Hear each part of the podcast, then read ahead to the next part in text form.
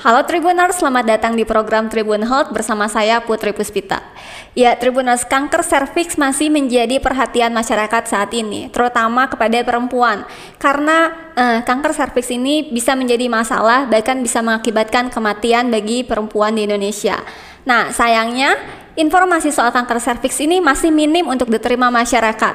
Nah, untuk mengulas masalah kanker serviks ini, di program Tribun Health kita sudah bersama Dr. Henry Jericho yang sudah bergabung saat ini bersama di Zoom. Halo, selamat pagi, Dokter. Selamat pagi. Kabarnya Dokter. semua mudah-mudahan sehat. Baik, Dok, kabarnya. Eh, dokter, boleh ini nggak sih dok? Eh, mungkin masih banyak nih tribu-tribuners yang belum paham soal kanker serviks ini tuh seperti apa sih dok? Boleh dijelaskan dok? Oke, eh, sebentar ya. Ya.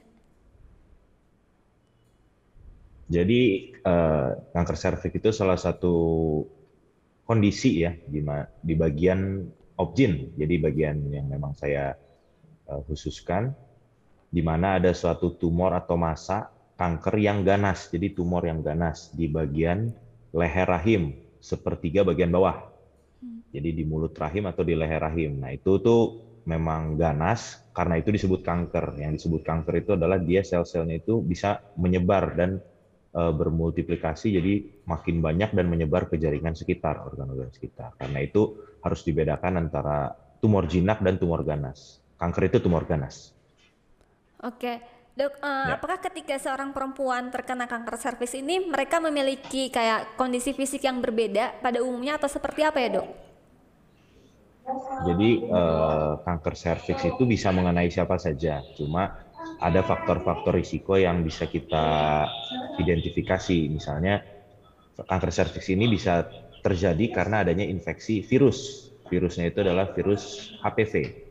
Nah, Bagaimana bisa terjadi infeksi virus? Dari sejauh ini penelitian yang bisa dipelajari adalah kita bisa mengetahui bahwa infeksi virus itu terjadi dari hubungan seksual. Jadi faktor risikonya itu adalah yang sudah menikah atau yang Oke. sudah berhubungan seksual. Oke dok, Eh, mungkin masih banyak juga nih dok kan tadi disebutkan kalau si gejalanya tuh memang agak sulit ya dok ya untuk terdeteksi. Nah kalau Ya. yang sebenarnya tanda dan gejala untuk menunjukkan bahwa perempuan ini terkena kanker serviks itu seperti apa ya dok? Oke, kanker serviks itu kalau kita temukan di rumah sakit banyaknya yang sudah terlambat, jadi dia sudah stadium lanjut.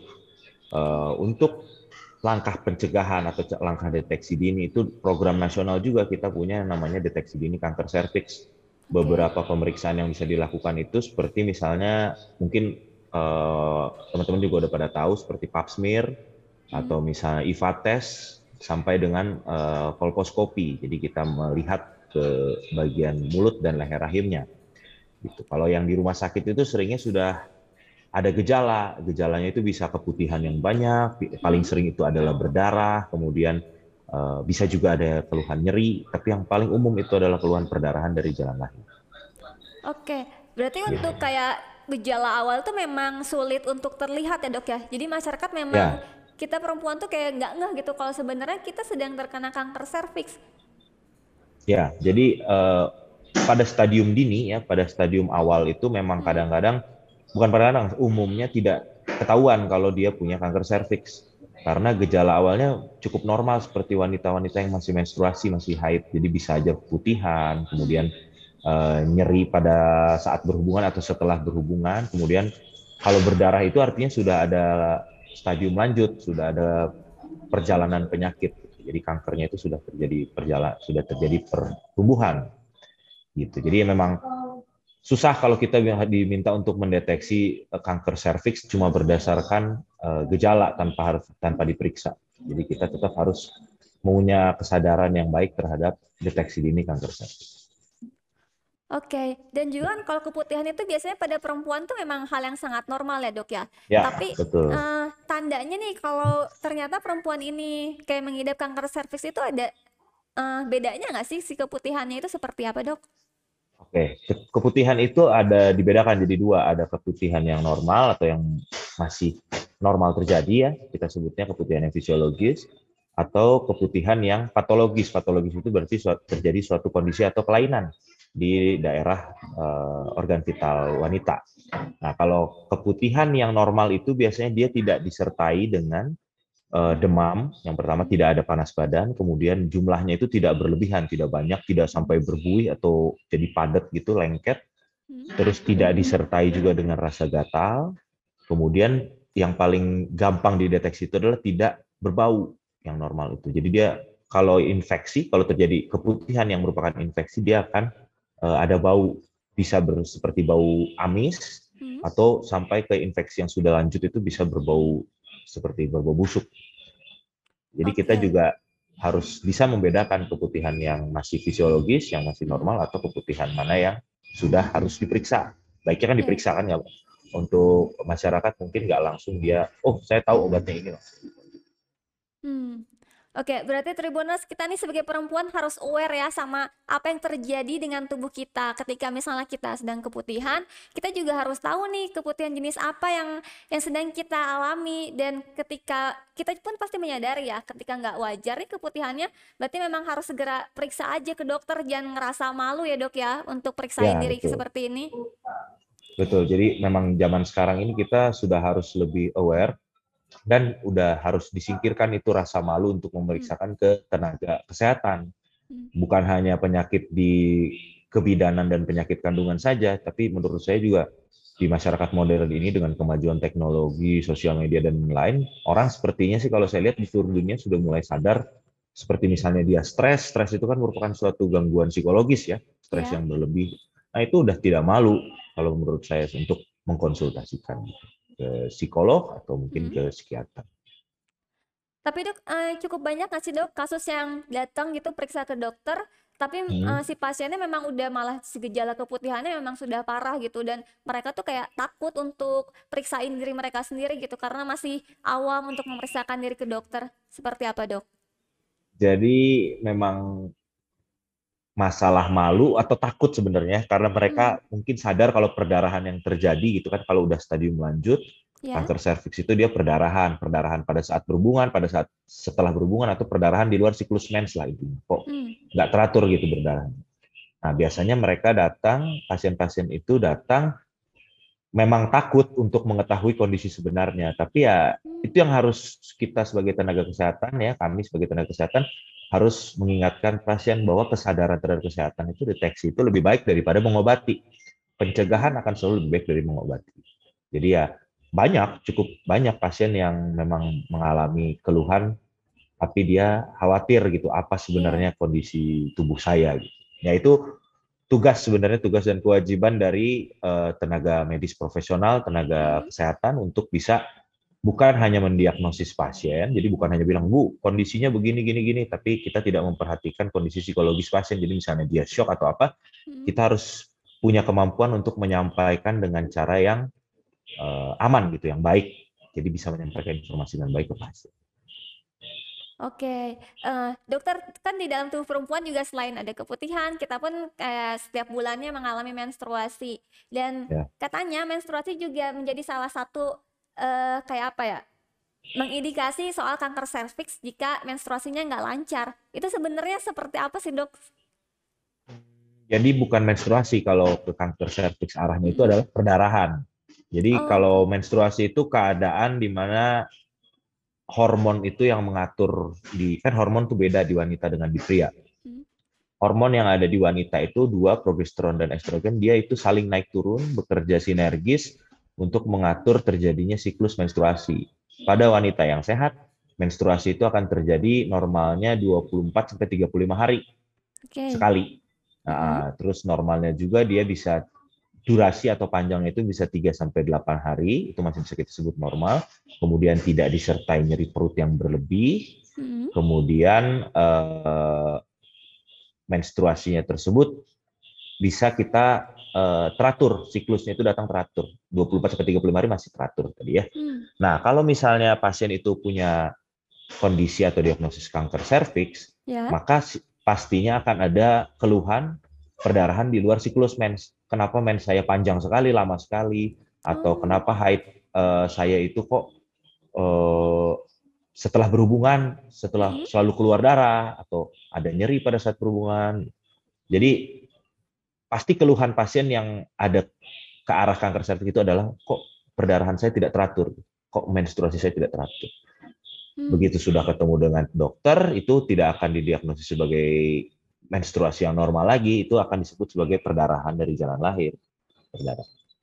Oke, uh, jadi Tribuners tetap juga harus aware nih ketika tadi soal pendarahan tadi pasti harus langsung segera periksa ke dokter jangan sampai menunggu ini kayaknya nggak kenapa-kenapa deh pasti nanti bulan depan baik-baik aja jangan sampai ditunda-tunda ya dok ya karena ya, itu ya. mengancam uh, nyawa kita juga ya dok ya sebagai perempuan ya dok ya Ya, jadi kanker serviks kan itu perdarahan, hubungannya dengan perdarahan. Bahkan menstruasi yang tidak lancar juga perdarahan banyak bisa menyebabkan anemia karena hilangnya darah dalam jumlah banyak. Iya. Seorang manusia gitu. Iya. Bukan hanya wanita, kalau kehilangan terlalu banyak darah, seorang laki-laki juga bisa mengancam nyawa. Hmm. Gitu. Jadi yang harus diperhatikan itu adalah kesadaran sih sebenarnya. Hmm. Yang paling idealnya itu kan kita melakukan medical check up gitu kan, setahun sekali gitu mungkin. Kita hmm. melakukan medical check up, tapi kalau untuk wanita akan lebih repot karena kita harus melakukan kontrol ke dokter spesialis kandungan karena organnya itu memang lebih sensitif untuk oh, perempuan. Okay. Tapi dok boleh dijelaskan nggak sih sebenarnya apa faktor hmm. penyebab dari si kanker serviks ini gitu? Soalnya kan kita nggak eh, banyak yang belum tahu nih ini tuh karena akibat apa faktor penyebabnya gitu dok? Oke, okay. penyebab kanker serviks itu yang bikin dia jadi sel-sel di leher rahimnya itu ganas adalah virus, virus HPV yang kita ketahui. Hmm. Ada virus HPV juga ada jenis atau seperti uh, corona gitu ya, dia punya varian-varian. Nah, HPV oh, okay. ini juga yang diketahui paling sering itu adalah nomor 16 dan 18. Hmm. Penyebabnya adalah dia menginfeksi, dia menyebar ke sel-sel di leher rahim, kemudian hmm. dia bikin selnya itu jadi ganas, berkembangnya itu dengan tidak sehat, dan dia bisa menyebar ke sel-sel sehat di sekitarnya. Akhirnya sel-sel yang tidak sehat itu membentuk massa atau tumor. Nah, oh, jadi bentuk okay. tumor. Nah, jadi kalau kita menyebutkan secara harfiah gitu penyebab dari kanker serviks adalah pasti yang uh, kemungkinan besar bukan hmm. 100% pasti kemungkinan besar adalah yang sudah berhubungan seksual hmm. gitu jadi infeksi atau transmisi virus HPV ini terjadi pada saat hubungan seksual gitu jadi memang sih ada kasus-kasus sebagian kecil sekali kasus-kasus yang khusus dan jarang hmm. di mana seorang wanita muda mungkin di masa pubertasnya dan dia belum pernah berhubungan seksual tapi ditemukan sel-sel ganas atau sel-sel kanker serviks. Nah, ini tentunya ini merupakan suatu kasus yang harus diulas lebih lanjut dari dokter spesialis tersebut karena uh, penyebabnya bukanlah suatu penyebab yang paling umum ditemukan. Oke, berarti memang ini juga bisa kayak disebutkan jika kita kayak berhubungan seksual dengan orang yang berbeda gitu, Dok, dengan orang bukan orang ya. yang tetap seperti itu, Dok ya? Ya? Jadi bahkan dengan satu orang yang tepat pun, tapi kalau hmm. orang itu mempunyai risiko tinggi untuk menghidap atau membawa virus HPV, ya kita bisa kena.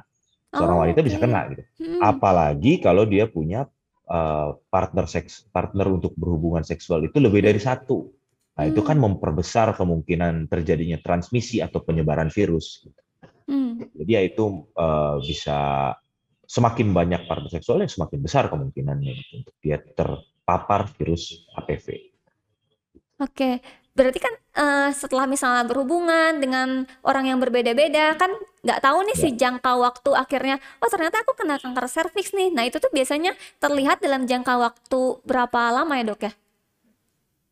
Uh, itu tadi saya bilang. Jadi bagaimana edukasi yang sebenarnya atau informasi kepada seluruh wanita di masyarakat hmm. ini di Indonesia terutama yang belum hmm. dapat kejelasan sebenarnya untuk seorang wanita bagusnya kontrol berapa lama sekali gitu kan? Iya. Yeah. Secara langsung intinya itu ya. Jadi ya periksa secara rutin itu bagusnya awalnya tuh satu tahun. Bisa ke hmm. bidan dulu kok, nggak harus langsung ke dokter. Tapi ya uh, untuk konsultasi misalnya ada yang ditanyakan pasti baiknya ke dokter spesialis, spesialis kandungan. Nah, kontrol yang dilakukan itu bagusnya bisa ada ter, satu tahun, bisa tiap dua tahun sampai dengan paling lama tiga tahun. Biasanya yang belum pernah dilakukan pemeriksaan atau deteksi sama sekali, kita periksanya setahun, setahun sekali. Kalau dia sudah rutin, mungkin bisa lebih panjang waktunya jadi dua tahun atau tiga tahun sekali. Yang paling sederhana bisa dilakukan itu deteksinya adalah dengan menggunakan pap smear. Jadi akan terdeteksi melalui laboratorium sel-selnya itu sehat, tidaklah secara tidak secara kasarnya gitu. Oke. Kalau yang untuk bisa melakukan uh, pap smear itu di usia berapa ya dok ya? Ada Oke. kriteria usia tertentu nggak? Pap smear itu biasanya ya itu tadi berhubungan dengan faktor risiko. Jadi pada anak-anak yang masih berusia 9-10 tahun belum menikah, Hmm. kemungkinan besar belum berhubungan seksual, biasanya ya boleh kalau mau dilakukan, tapi ya Mhm. sebaiknya yang lebih diprioritaskan adalah yang sudah usia reproduksi, yang sudah puber lewat masa puber, yang sudah menikah, yang sudah melahirkan, Mhm. kemudian yang mungkin punya kesadaran untuk kalau dia itu punya faktor risiko. gitu. Jadi ya bukan hanya dari dokter saja menentukan apa siap apa wanita-wanita mana saja yang perlu dilakukan detek ah, pemeriksaan, Hmm. tapi ya baiknya dari masyarakat juga punya kesadaran untuk memeriksakan diri karena merasa ah saya sepertinya Mhm. pernah melakukan hubungan seksual tapi Mhm. Lebih baiknya saya periksa aja lah ya. Walaupun belum menikah misalnya kita kan nggak Iya. tahu. Nah itu kan kayak tadi dokter bilang eh, lebih baik ya satu tahun sekali kita harus periksa atau Ya. kan ada vaksin eh, HPV juga ya dok ya? Ya, betul. Nah kalau si Eh, masyarakat, ya gimana? Gimana? Bagaimana? tapi kalau masyarakat tuh kayak udah tahu nggak sih kalau misalnya kalian tuh harus sebaiknya vaksin, terus juga eh, melakukan deteksi satu tahun sekali. Cukup banyak kasih dok Ya. yang emang udah aware akan hal itu gitu. Eh, kalau saya perhatikan di zaman sekarang ini wanita-wanita yang aware atau Hmm. sadar untuk melakukan pemeriksaan dini, deteksi dini atau sampai ke vaksin biasanya yang sering buka sosial media atau Oh dia ya. punya suatu komunitas sosial, sosial kehidupan sosialnya masih jalan gitu. Jadi dia eh, dari pergaulan atau dari pembicaraan dengan sesama teman kerja atau teman eh, teman sehari-hari Mhm. dia bisa tahu, oh, gue belum nih, saya belum nih, saya belum pernah vaksin. Oh, Mhm. saya juga belum pernah periksa. Nah, biasanya akan terpanggil untuk memeriksakan diri. Tapi eh, zaman sekarang sih mudah sekali sebenarnya untuk terpapar informasi seperti itu ya, karena Iya. kemudahan dari sistem informasi, kemudahan dari internet, Mhm. eh, lebih memfasilitasi untuk bisa melihat sebenarnya yang trending topik di dunia ini apa gitu. Atau Hmm. nggak usah jauh-jauh trending topik di Indonesia ini apa. Oh, di Indonesia ini ternyata berita pas lagi lihat berita kesehatan itu oh ternyata angka pesakit dari kanker serviks itu tinggi. Wah, saya khawatir nih, lebih baik saya periksa. Itu kan biasanya cuma dari melihat di internet atau Iya. melihat dari berita-berita di TV. Tapi menurut saya sih zaman sekarang TV sama internet lebih banyak yang pengguna internet ya. Iya. Bahkan untuk berita, bahkan untuk menonton, Mhm. mendengarkan musik itu udah lumayan tertinggal gitu media televisi. Nah, terus Gitu. dok, ini kan eh, banyak nih kayak generasi muda saat ini juga udah bisa mendapatkan informasi ini lewat media sosial gitu. Dan Ya. apakah juga ada perubahan dok yang sebelumnya eh, yang rutin kayak melakukan deteksi yang satu tahun sekali ini tuh yang orang yang sudah menikah atau bahkan sekarang yang malah remaja-remaja juga mulai, oh iya deh aku harus periksa dari mulai sekarang. Ada perbedaan nggak sih dok? Ada Hmm. peningkatan lah ya. Jadi Hmm. terlihat sekali kalau tingkat kesadaran terhadap kesehatan di masyarakat itu meningkat dengan adanya kemajuan sistem informasi dan teknologi. Tetapi mungkin angkanya itu belum Mm-mm. signifikan, belum yang meningkat eh, drastis gitu. Tapi jelas ada peningkatan dari tahun ke tahun. Karena anak-anak zaman sekarang udah bisa dibilang ya dari umur 8-9 tahun juga Saya lihat sudah ada yang memegang handphone ya. Iya. Sebenarnya itu pisau dua mata gitu karena berbahaya. Di satu sisi dia baik untuk informasi dia akan lebih pintar gitu karena dia Mhm. akan lebih punya wawasan yang lebih luas. Tapi di sisi lain di internet kan nggak semua konten atau isinya itu baik. Iya. Gitu. Jadi menurut saya sih akan terus meningkat jumlahnya dari tahun ke tahun yang sadar untuk memeriksakan diri. Nah, terus dok, eh, mungkin untuk Tribuners nih masih belum tahu apa sih yang bisa Ya. dilakukan untuk mencegah si kanker serviks itu harus seperti apa dok?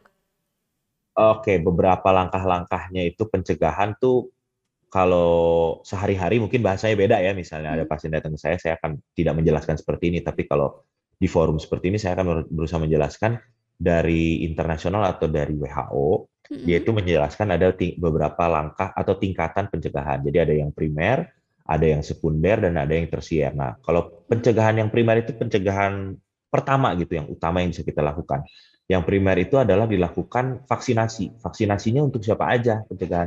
itu kalau di internasional di secara global itu sebenarnya sudah disarankan untuk melakukan vaksin dari umur 9 tahun sampai usia 40 eh, 45 tahun masih bisa dilakukan uh, vaksinasi virus HPV. Yeah. Gitu. Jadi bagaimana pencegahannya ya kita vaksin gitu. Vaksin hmm. juga uh, seperti yang kita ketahui ya hmm. dari penyakit COVID gitu, dari infeksi COVID yang sedang pandemi saat ini. Hmm. Uh, bahkan yang sudah divaksin pun ternyata masih ditemukan pasien-pasien yang terpapar dan masih terkena yeah. Hmm. COVID gitu. Nah, sama halnya ini kan HPV, dia merupakan virus. Jadi walaupun divaksin, seperti yang saya bilang tadi, hmm. vaksin yang paling umum itu adalah yang vaksin untuk HPV 16 dan 18. Tapi tidak menutup kemungkinan pasien akan terpapar HPV nomor yang lain, seperti nomor 13, misalnya atau nomor 26. Nah, kalau itu kan belum tercover oleh vaksin. Begitu. Okay. Jadi masih ada kemungkinan dia akan terpapar eh, virus-virus uh, HPV dengan jenis yang lain. Kemudian hmm. pencegahan yang kedua itu yang selanjutnya itu adalah pencegahan sekunder. Jadi misalnya pasien yang terdeteksi dengan uh, lesi awal prakanker. Jadi. Bisa dibilang hampir jadi kanker atau hmm. stadium awal kanker. Jadi gejalanya masih belum seperti yang kita bahas tadi banyak ya, perdarahan, kemudian keputihan yang banyak atau perdarahan setelah berhubungan seks, perdarahan di luar siklus mens, belum sampai situ gejalanya masih deteksi masih stadium awal atau lesi prakanker jadi baru ditemukan secara mikroskopis. Nah, pada pasien-pasien ini bagaimana kita bisa ketemu pasien seperti ini ya biasanya dari pemeriksaan pap smear tadi atau enggak pemeriksaan IVA test, pemeriksaan kolposkopi. Nah, apabila ditemukan uh, calon gitu, bukan calon ya, uh, potensi untuk terjadi hmm. kanker serviks pada suatu pasien, maka bisa dilakukan pencegahan sekunder tadi, misalnya dengan uh, krioterapi. Jadi Krioterapi itu mungkin penjelasannya beda lagi sesinya ya karena ya. harus panjang gitu bagaimana kita membekukan secara dengan suhu yang sangat dingin kita hmm. membekukan sel-sel yang sudah terpapar oleh virus. Gitu. Itu bisa dilakukan di beberapa puskesmas atau di rumah sakit.